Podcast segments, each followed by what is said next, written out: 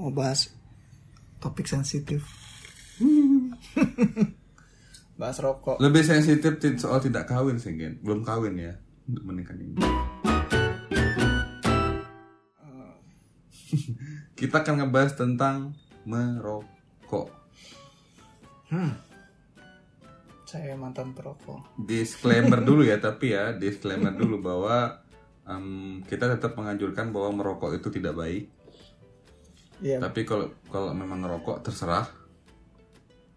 eh, di tempatnya. Iya di tempat dan Ya, caranya karena disediakan. karena negara masih mengakuin masih menganggap rokok itu ada Gen. Iya.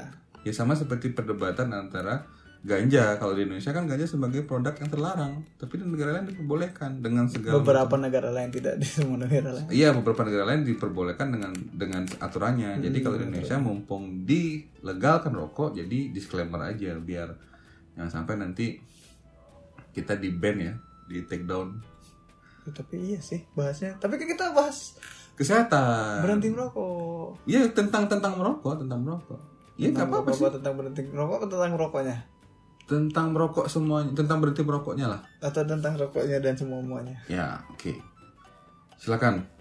Apa? Bagaimana Kenapa? pandanganmu tentang berhenti merokok? Be- berhenti merokok itu eh, tantangan sih. Oke. dan itu tidak bisa dari luar gitu. Itu harus dari dalam. Filosofis sekali. Iya maksudnya kalau nggak niat dari diri sendiri susah mau mau disuruh sama siapa gitu berhenti berhenti ya mungkin bisa berhenti tapi nggak lama Ya.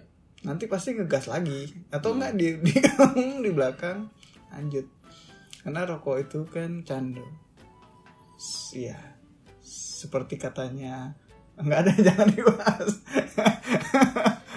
Tapi yang menariknya aku tuh riset, Get. Apa? Riset. Jadi teman-teman yang yang yang eh, condong tidak bisa melepaskan rokok, Hmm. itu teman-teman yang mereka dari SMP atau SMA, SMP sih kebanyakan, dari kecil mereka sudah jadi perokok. mau Nah, sedangkan teman-teman yang merokok eh, di atas usia 20 tahun, biasanya mereka bisa melepaskan gitu. Contoh misalkan, aku banyak kenal beberapa orang senior dan tua-tua lah ya, yang mereka justru memutuskan merokok di usia mereka 30 tahun, di 35 tahun. Di satu saat ketika mereka nggak merokok, ya udah enggak gitu loh. Kadang gini, kalaupun mereka merokok, merokok, tapi sebatas misalkan gini, Hmm, sebatas misalkan ketika habis makan babi guling misalkan. Kan kayak agak kau kayak kayak makan babi guling itu kan? Aku gak makan babi gitu ya. Babi. Enggak kalau kau masih. Nggak. Jadi kalau habis makan babi guling itu kan kayak ada rasa minyak minyak gitu. minyak minyak gitu ya. My God. Ah, dan itu bisa bisa lebih nyaman lebih enak ketika pakai rokok. Artinya gini eh, ketika orang yang merokoknya itu udah agak telat mereka bisa lebih kontrol sih sebenarnya antara Hmm. memutuskan merokok nggak ngerokok bahkan akhirnya nggak sama sekali kalau di kasusku persoalannya aku orangnya totalitas beli Bel. Mm-mm. jadi kalau merokok sekalian Bung. makanya setelah itu aku sadar kayaknya kalau nggak merokok berarti sekalian nggak merokok sekalian gitu Iya, tapi kalau menurutku karena di, eh, karena rokok masih dilegalkan di Indonesia, bagiku sebenarnya bukan persoalan eh, merokok itu lebih baik dibandingkan nggak ngerokok dan sebaliknya nggak ngerokok lebih baik dari ngerokok. Tapi yang terpenting adalah menurutku adalah pertama seperti kau bilang tadi, mm, kita melakukan sesuatu nggak ganggu. Misalnya kita ngerokok pada orang yang misalkan tidak suka ngerokok, kita jangan karena kan sudah hukum-hukum ya, etika hidup sih sebenarnya kita melakukan sesuatu biar nggak gangguin orang contoh kau sepedaan nih tapi kau sepedaan di atas trotoar misalkan atau sepedaan di dalam dalam restoran nah, kan ganggu orang gitu loh. Nah, sama seperti merokok. Kalau merokok misalkan di tempat merokok sih nggak masalah. Yang penting itu tahu caranya dan tahu tempatnya dan tahu resikonya. Cuman biasanya aku bisa berhenti merokok itu karena kebetulan. Hmm. kebetulan lingkunganku banyak yang nggak merokok. Ya akhirnya Jadi menjadi akhirnya- semacam gini ya semacam rangsangan dari luar kan bahwa dan kebetulan dulu di kantor itu bos menurutku dua-duanya tidak merokok meskipun karyawan yang lain merokok Ya artinya mm, memang memang dari dalam diri tapi perlu disiapkan lingkungan. Nah, Iya proses penyiapan lingkungannya seperti apa? Salah satunya adalah kalau menurutku yang paling vital adalah hmm, itu ketika usia sih sebenarnya karena kalau ngomongin usia SMP udah ngerokok biasanya mereka udah nggak bisa lepas. Susah lepas biasanya. Susah sih bukannya nggak bisa bisa susah susah. Kalau misalkan rokok belakang belakangan biasanya dengan kesadaran. Kayaknya bukan kesadaran kayaknya enggak lah atau belum gimana terlalu adiksi. Belum terlalu adiksi sih sebenarnya.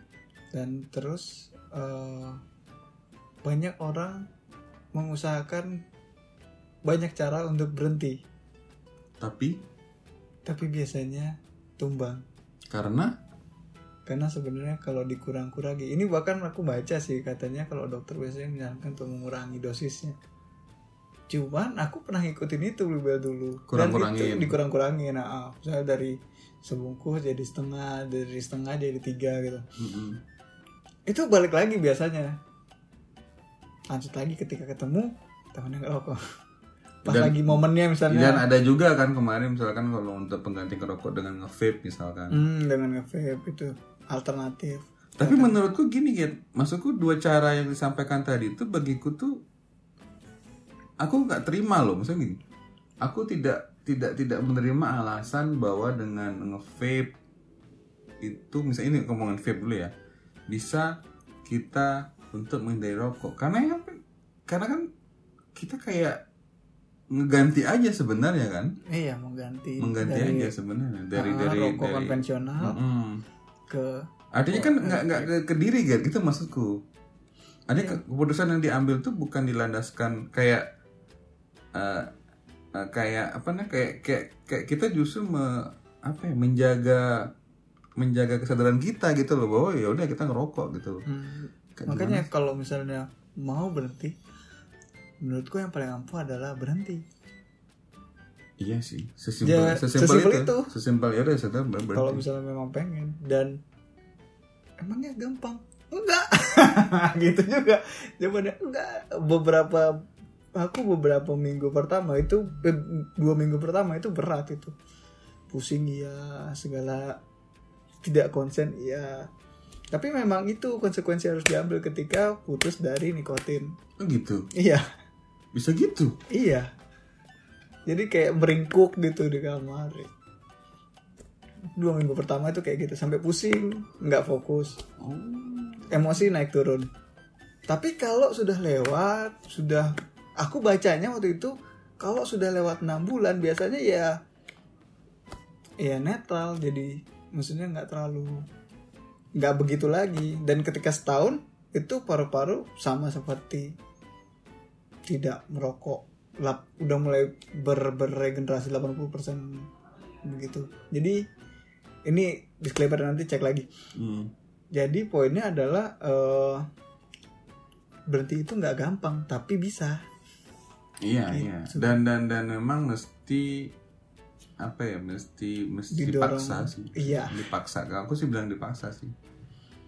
Hmm. Ka- ka- karena karena memang eh, apa ya istilahnya nggak ada bilang rokok itu bagus ya. Nggak ada Hmm. bilang rokok itu bagus. Secara kesehatan khususnya. Iya. dan satu lagi kalau memang berhenti Mm, dan benar-benar saya berhenti nih mm. sudah dari dalam diri jangan cerita ke siapa-siapa. Karena? Karena kalau kebetulan bocor ke teman perokok habis juga wah lu diracunin lagi langsung. Berarti kita dikeplusin ke muka. Tuh asap jadi ya itu jangan cerita ke siapa-siapa. Karena gini ketika pun cerita misalnya aku terus gimana kalau kau ketemu sama teman-teman merokok tiba-tiba kau nggak ngerokok? Senyum-senyum aja. Kau ikut aja nongkrong. Kan? kau nggak ngerokok? Ditanya. Senyum-senyum aja. Jangan dibalas kalau misalnya nggak suka berbohong. Tapi kalau eh, bisa berbohong bilang aja mungkin eh, udah gitu atau enggak. Hmm, nanti jale nanti aja gitu kan. Mengelak tapi kalau nggak bisa ya senyum-senyum aja. Aku kebetulan senyum, kayak lingkungan lingkungan tergantung lingkungan dan lingkungan kalau tapi kalau karena ada juga gini aku sempat baca penelitian bahwa ketika kamu mengutarakan apa yang mau kamu kerjakan ingin kerjakan Hmm. itu rasanya kayak kamu sudah mengerjakan itu. Makanya lebih baik jangan dikatakan dulu tapi kerjain dulu. Sampai goalnya sampai kayak misalnya mau berhenti ya kerjain dulu berhenti nih. Bener berhenti apa enggak nih? Jangan cerita dulu. Kalau cerita dulu nggak jadi berhenti. Karena udah berpikir bahwa sudah pernah melakukan itu. Gitu. Oke nanti dicoba aja yang lagi ngedengerin podcast ini. Hmm, iya iya benar macam-macam sih. Tapi aku ada tips satu tips yang yang sebenarnya nggak bisa dicoba. Gimana nih? Coba ini apa ya coba? Tahu? Apa? Tipsnya apa? Minum minum antibiotik get bibir pahit langsung tiba-tiba get masa sih? Coba kau minum obat itu kalau nggak bibir pahit. nih jangan ini jangan nggak jangan. ada bercanda bercanda. Tapi tapi tapi memang benar maksudku sama kayak gini. Sama kayak kita pengen kurus minum obat. Sama kayak kita eh, jadi eh, kita kayak nggak menghargai proses. Ketika kemudian kita pengen berhenti ya udah berhenti. Justru di situ kita menghargai proses. Hmm. ketika kita berhenti digantikan dengan sesuatu lain atau dengan misalkan permen karet atau apa permen karet nikotin segala macam aku nggak nggak gini sih. Apa ya nggak nggak nggak begitu sreg sih gitu. Sama seperti kayak tadi misalkan mungkin ada ya kayak semacam obat ketika ngerokok tuh tiba-tiba lidah pahit misalkan. Ada mungkin. Mungkin aku ada pernah tapi dengar soalnya yang tapi tapi itu. tapi pada akhirnya kan kita berhenti merokok bukan karena kita pengen. Hmm. tapi karena karena ada faktor eksternal gitu loh faktor luar Iya. yang sebenarnya itu sebenarnya sih sama seperti pakai pakai helm sebab pengaman dan Hmm. seterusnya gitu dan ada juga salah satu niatan berhenti yang sebetulnya agak konyol sih apa jadi aku capek gitu kalau misalnya nongkrong di kafe restoran atau Hmm. di mall itu di, di tempat yang panas di Bali oh ya karena karena merokok kan luar ya. Heeh, jadi kayaknya enak kalau di AC terus kan. Kalau di mall juga kayaknya enak gitu nggak kalau nggak merokok Di- bisa di iya, dalam terus dipersempit sih mungkin kan ada persempit ya ruang Hmm, akses ruang apa akses. namanya? Ruangan perokok itu dipersempit jadi kayak capek kita keluar. Hmm. kayak ke bandara misalkan nih kita mau duduk-duduk nih mau ngerokok. Iya ke- pet-petan di bilik kecil mesti, gitu. mesti ke smoke room kan? Smoke room kayak udah nggak usah lah gitu. Itu kayak sarden kan di situ. Aku dulu pernah makanya setelah berhenti kan berpikir wah bisa lega gitu kan adem terus. Hmm. ya. Oke deh kalau gitu. Semoga menjadi inspirasi. Ya semoga ada yang mungkin berminat berhenti dan akhirnya sukses juga. Tapi jangan berhenti juga merokok gara-gara eksternal maksudnya memang akan dalam diri itu eh ya soalnya juga aku punya aku yakin di Bel juga punya temen aku juga punya temen yang modelnya adalah berhenti karena pasangan karena disuruh Iya, tapi maksudnya gini, nggak apa-apa dengan karena pasangan, tapi lebih karena gini contoh nih, pasangan hamil kan, kita kan tentu pengen pasangan sehat kan. Nah, lebih ke sana, bukan karena takut dimarah, bukan sama seperti pakai helm, jangan karena kita takut dimarah sama pak polisi, tapi lebih kepada ya udah ini aman gitu loh. Am- Iya. Jadikanlah keselamatan sebagai kebutuhan itu jargonnya karena Polantas. kalau sebenarnya kalau merokok tuh ke- kalau disuruh kalau disuruh berhenti ya itu susah sih Iya karena nggak dari Kayaknya dalam, nggak, nggak ah. nggak ngerasa. jadi ruangan berhentinya tuh cuman di area orang yang Hmm, hmm. dan kadang kita ngakalin kan ngerokok di luar atau apa gitu. oke Sampai ketemu lagi. di podcast selanjutnya yang kita bakal bahas apa yang lebih berbobot Berbobot gak berbobot tetap kita bahas, gitu. gitu. Iya, karena justru ber- kita kat- katanya mau bahas yang lebih konve apa kontroversi wes yang lebih kontroversi terserah nanti kita voting nanti. voting musyawarah belum ya? Oh, siap. Oke, sampai jumpa lagi dari tengah podcast bersama saya, Belan Sandra dan Gedi Mardika